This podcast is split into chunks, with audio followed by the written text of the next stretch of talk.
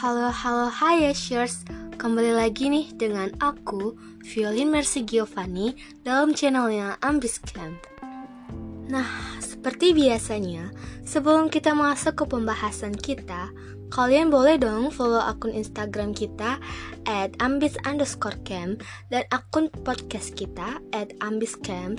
Terus jangan lupa klik tombol loncengnya ya guys, agar kalian gak ketinggalan episode terbarunya ambis camp. Nah, buat kalian yang pingin nge-request tema baru podcast mingguan kita, boleh isi link yang ada di bio ya guys. Oke, minggu lalu Pio udah bahas tentang tips dan triks lulus wawancara beasiswa kan? Nah, sekarang Pio bakalan bahas tentang tips menulis motivation letter yang baik dan benar. Seperti yang kita ketahui, pada umumnya motivation letter merupakan hal penting dalam pendaftaran kuliah, beasiswa, volunteer, dan lain sebagainya. Lalu, apa itu motivation letter? Motivation letter adalah surat yang menjelaskan mengapa kamu layak mendapatkan beasiswa atau diterima di institusi, atau lembaga tersebut. Nah, untuk menarik pihak lembaga atau universitas, Pio sarankan kalian menulis motivation yang menarik ya guys. Biasanya motivation letter itu berisi tentang catatan prestasi kalian, cita-cita yang realistis, serta mengapa kalian layak terpilih dalam beasiswa atau pekerjaan tersebut. Nah, untuk menulis motivation letter yang baik, Pio menjabarkannya menjadi beberapa poin di bawah ini ya guys. Poin pertama, ketahui struktur dan kebahasan motivation letter. Nah, di waktu kalian menjadi siswa atau mahasiswa, pasti udah diajarkan kan menulis motivation letter, terutama di mapel bahasa Indonesia dan bahasa Inggris. Kalau belum pun kalian bisa searching di Google atau cari referensi di sana. Kalian juga boleh tanya-tanya ke guru atau dosen kalian ya guys, supaya motivation kalian lebih teratur dan terarah. Poin kedua yaitu fokus. Untuk menulis motivation letter yang baik, kalian sangat disarankan buat fokus menulis poin-poin penting seputar isu yang berkembang di bidang yang kalian lamar. Lalu fokus untuk tidak membagi pikiran kalian dengan kegiatan lain agar hasil motivation letter kalian lebih bagus lagi loh guys.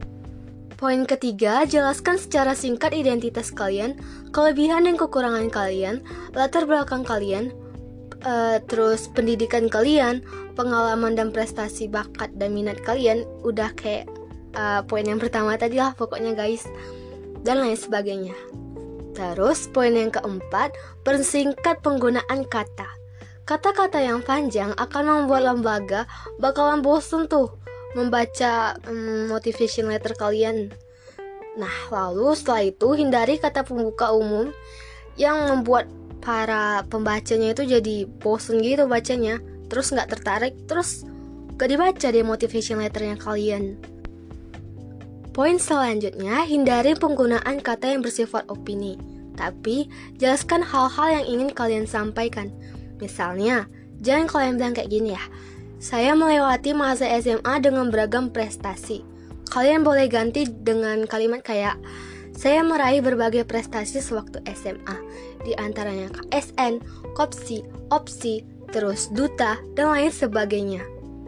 Poin berikutnya, kenali perusahaan atau universitas yang akan kalian lamar. Terus, hubungkan tuh motivation letter kalian atau kepribadian kalian terus yang kalian akan gambarkan sesuai dengan universitas tersebut. Lalu, poin terakhir, baca kembali hasil motivation letter kalian. Revisi dan analisis lagi. Semisalnya, ada kata-kata yang kurang sopan atau kalimat yang tidak formal atau ada kalimat yang kurang penting untuk disampaikan. Bahkan mungkin ada poin-poin yang bakalan ketinggalan untuk kalian tuliskan, serta sesuaikan struktur dan kebahasaan motivation kita. Nah, segitu aja deh tips-tips yang bisa Pio sampaikan. Kalau kalian ingin tahu lebih lanjut, boleh tanya-tanya ke kakak alumni kalian, atau juga bisa searching di Google atau di YouTube sekitar.